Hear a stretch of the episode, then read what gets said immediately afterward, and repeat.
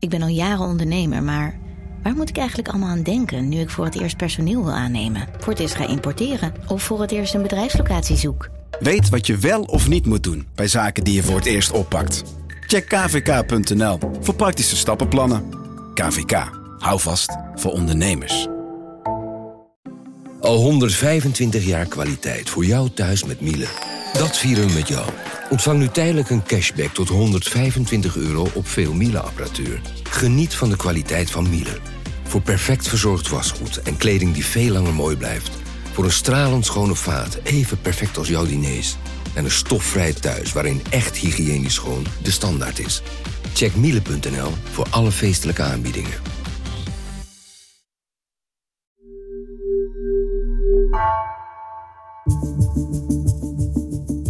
Vanaf de redactie van NRC het verhaal van vandaag. Mijn naam is Egbert Kalsen.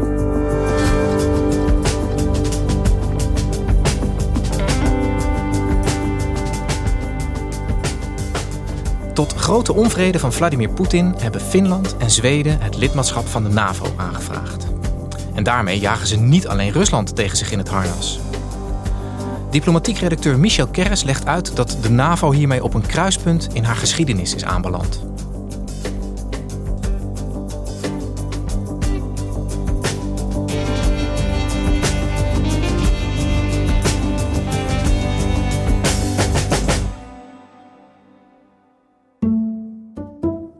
Hyvät naiset ja herrat, mina damer och herrar, ladies and gentlemen, we have today a historic day. Finland will maximize its uh, security. Afgelopen weekend hebben uh, Zweden en Finland formeel aangekondigd dat ook zij nou lid willen worden van de NAVO. En de president van Finland zei hierover. But um, when we talk about security, even if it's not that visible in daily life, it has a huge impact in our minds. And that makes this decision also historic. Al langer was er een goede samenwerking tussen die twee landen en het uh, bondgenootschap. Maar nu, na de inval van Rusland en Oekraïne, willen ze dat ook formeel maken. We cannot trust anymore that there will be a peaceful future uh, next to Russia uh, with our own. That's why we're making the decisions to joining NATO. It's an act of peace. Ja, Michel, jij bent diplomatiek redacteur bij NRC en jij volgt de NAVO al, al vele jaren. Het, uh, het verzoek van Finland en Zweden om, om lid te worden, is dat een kwestie van indienen en dan gaat het ook zo? Nou, in eerste instantie leek het vrij eenvoudig te zijn. Maar nu zijn er toch twee problemen eh, opgedoken. De eerste plaats is het natuurlijk zo dat Zweden en Finland hiermee Poetin tamelijk voor het hoofd stoten. Hij voelt zich, zegt hij, bedreigd door de NAVO. En dat was ook een van de argumenten waarmee hij de inval in Oekraïne rechtvaardigde. Hij wil eigenlijk dat de NAVO zich terugtrekt uit het oosten. En wat er nou gebeurt met, als die twee landen lid worden, is dat de NAVO als het ware dichter naar hem toe rukt. Je had een strook landen, die noemden ze de in-between countries. Die zaten zeg maar tussen Rusland aan de ene kant en het westen aan de andere kant in. En na de inval zie je dat alle landen die nog niet heel duidelijk gekozen hadden, nu min of meer gedwongen worden of zich gedwongen voelen om heel duidelijk partij te kiezen. Zweden en Finland waren al lid van de Europese Unie en zetten nu een extra stap om zich nog veiliger te voelen, om nog meer aan dat westerse kamp geklonken te worden. En dat leek geen enkel probleem, totdat afgelopen vrijdag zich plotseling eh, de Turkse president Erdogan meldde en zei dat hij daar allerhande bezwaren tegen had. Dus nu zijn er eigenlijk twee problemen, Poetin en Erdogan. Dus geen gelopen race voor die landen om zomaar eventjes dat lidmaatschap uh, te verwerven? Nee, want de NAVO bestaat uit 30 landen. Alle 30 moeten individueel een nieuwe leden goedkeuren. Dus als er eentje dwars gaat liggen, in dit geval Turkije, dan gaat het feest niet door. Ja, de NAVO. Jarenlang hebben we er eigenlijk nauwelijks meer wat over gehoord. Hè? De Noord-Atlantische Verdragsorganisatie. Maar sinds die oorlog in Oekraïne nou, staat die echt weer in het brandpunt van de belangstelling. Um, om het allemaal even goed te snappen, Michel, laten we even teruggaan naar de basis. Wanneer is de NAVO opgericht en met welk doel? Nou, de NAVO is in 1949 opgericht, na de Tweede Wereldoorlog.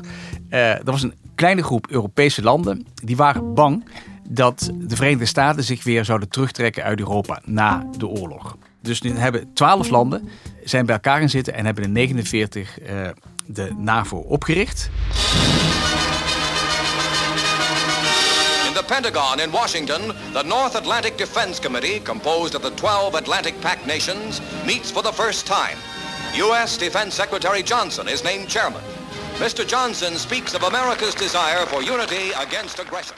De NAVO is een uh, defensiegemeenschap, een bondgenootschap. En de kern van, het, van die club is eigenlijk die gedachte: één voor alle, alle voor één. Dat is ook vastgelegd in het veelbesproken artikel 5 van de NAVO. En dat houdt gewoon in dat als één van de landen wordt aangevallen door iemand van buiten, dat al die andere landen zich verplichten dat land te hulp te schieten. Ja, dat is zeg maar de verzekeringsclausule van de NAVO. Precies, dat is eigenlijk de veiligheidsgarantie uh, die je krijgt als je uh, lid wordt. En dat is dus ook de garantie en de veiligheid die Finland en Zweden nu zoeken.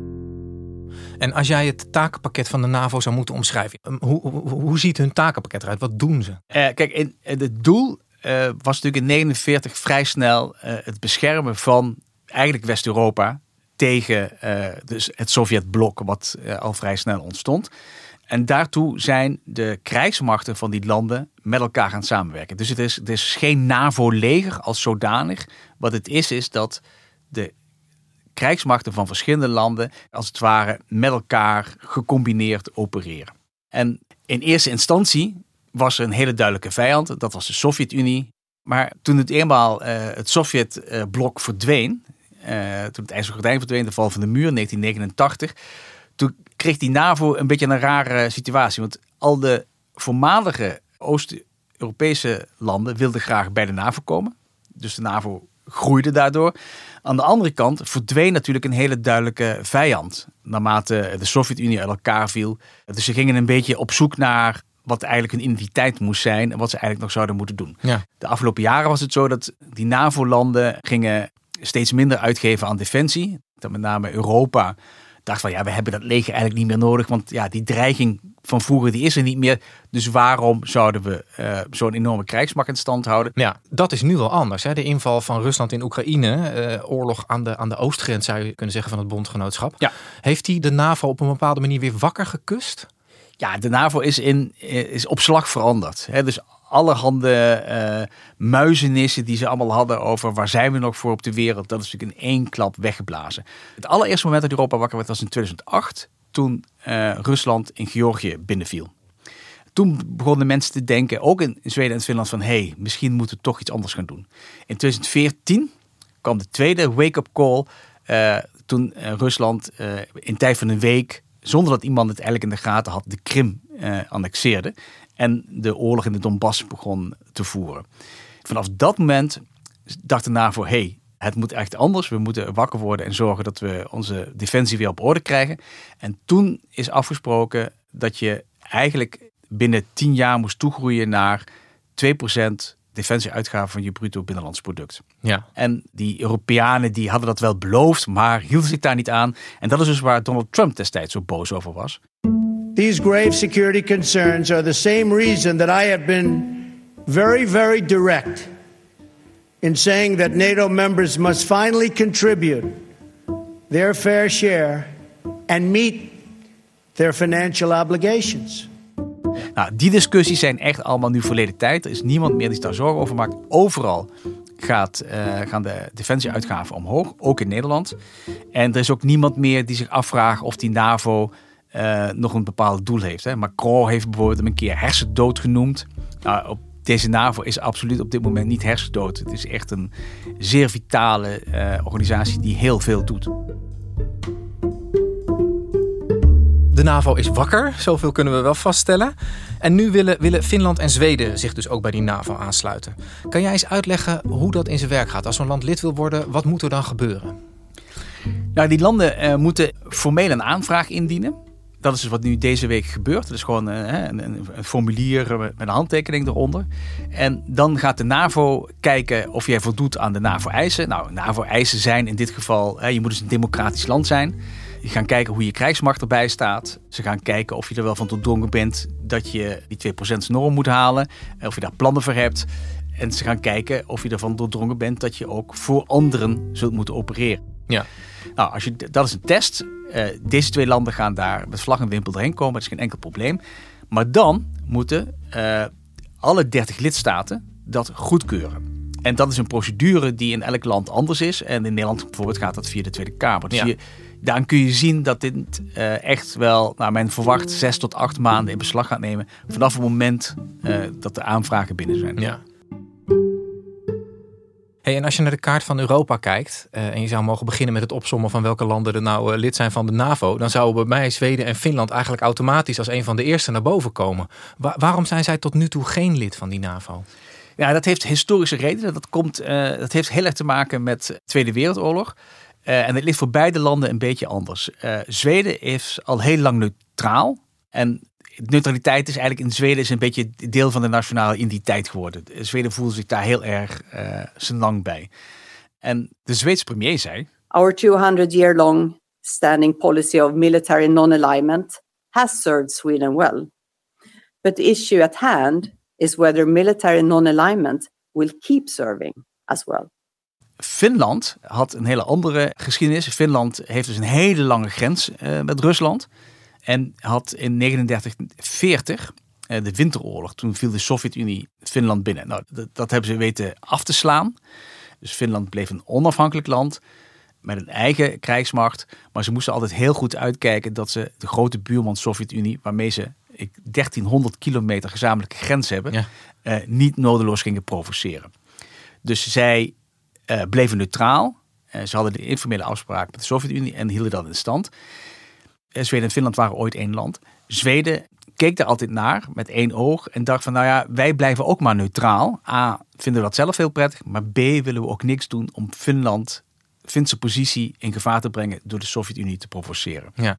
Hey, en, en die oorlog tussen Rusland en Oekraïne, die heeft dus dat, dat hele verhaal eigenlijk eh, eh, ontzettend gekanteld, zou je kunnen zeggen. Wat is nu concrete afweging die zij maken waarom ze nu wel lid willen worden tot, eh, van de NAVO?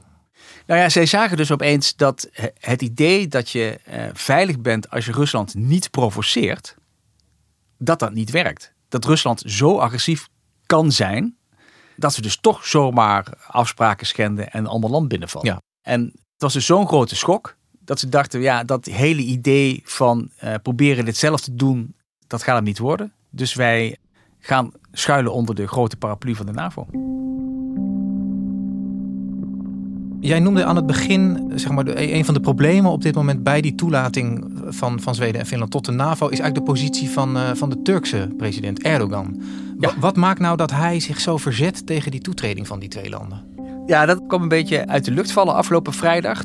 Zweden en Finland werken al heel nauw samen met de NAVO. Dus iedere keer, bijvoorbeeld als er in het hoofdkwartier gesproken wordt over de oorlog in Oekraïne, dan zitten ze er als toehoorders bij. Maar Erdogan is natuurlijk typisch iemand die altijd enorm van de toren blaast en probeert echt een slaatje uit te slaan. Hij heeft een aantal problemen genoemd die hij heeft met eh, Zweden en Finland. En die hebben ook heel erg binnenlandspolitieke eh, componenten. Je hebt twee bewegingen die eh, binnenlandspolitiek tot zijn vijanden behoren. Dat is de Gulen-beweging en de Koerdische PKK. En hij zegt nu, leden van die bewegingen die in Zweden en Finland wonen... en om wiens uitlevering wij gevraagd hebben... omdat ze hier misdaden begaan hebben of terreuracties begaan hebben... die uitlevering gaan Zweden en Finland niet meer akkoord. Dus dat willen wij alsnog. Een ander bezwaar dat hij heeft is dat met name eh, Zweden heeft een eh, vrij grote defensieindustrie. En eh, Stockholm heeft een wapenembargo uitgevaardigd voor Turkije. Dus er mogen geen Zweedse wapens zomaar geleverd worden aan Ankara. En daar heeft hij ook bezwaar tegen aangetekend. Kijk, Erdogan heeft natuurlijk ook wel een, zeg maar een basis om te praten. Omdat je moet niet vergeten, hij is binnen de NAVO een heel belangrijke speler. Het is een heel groot land op een cruciale plek. Kijk maar naar de kaart voor het NAVO-grondgebied.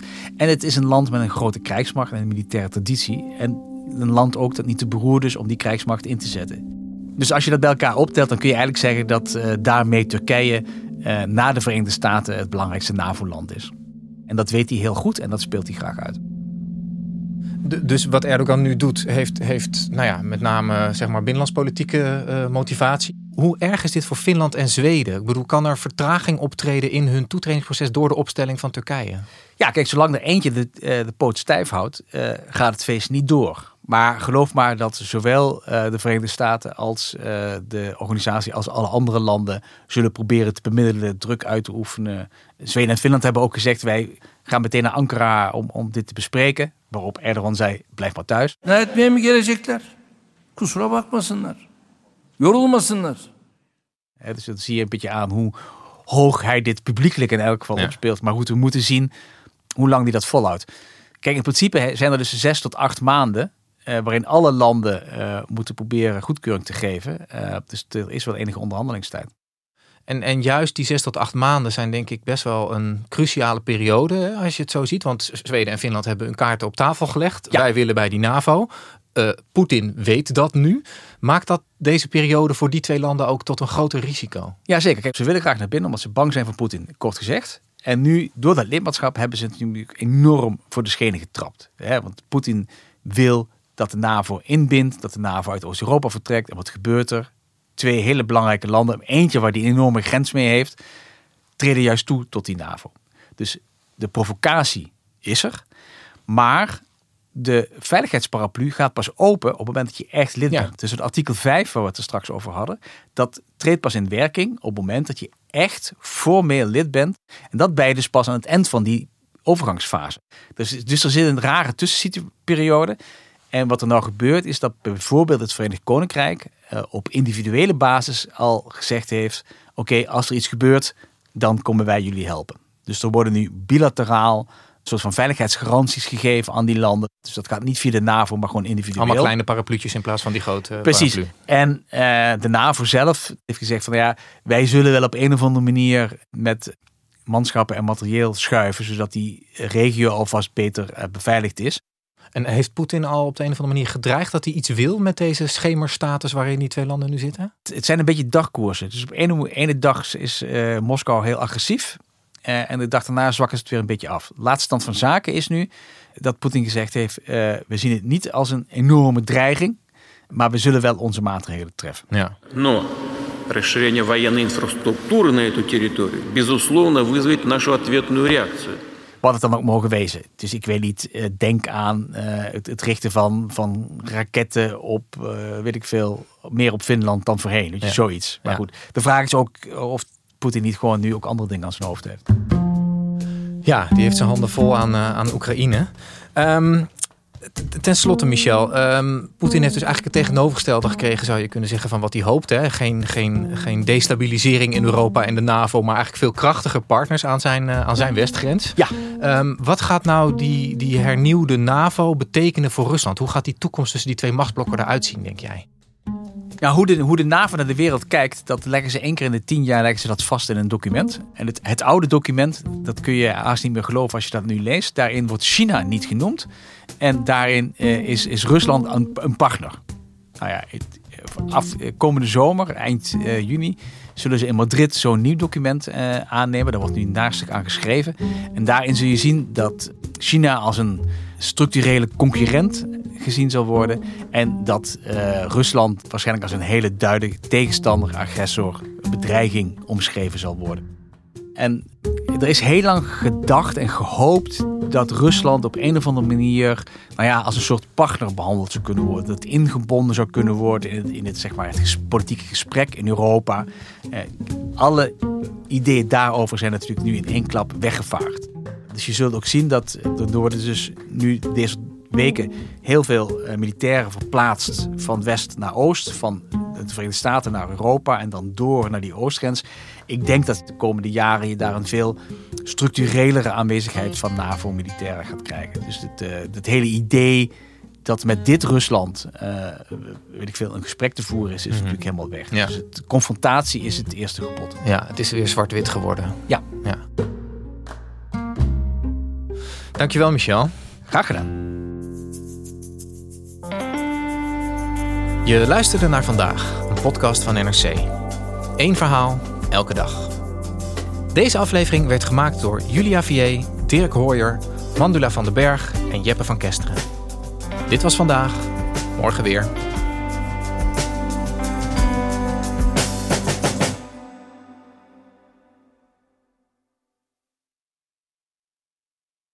Technologie lijkt tegenwoordig het antwoord op iedere uitdaging. Bij PwC zien we dit anders. Als we de potentie van technologie willen benutten, kunnen we niet zonder een menselijk perspectief. Human-led, tech-powered noemen we dat. Ga naar pwc.nl.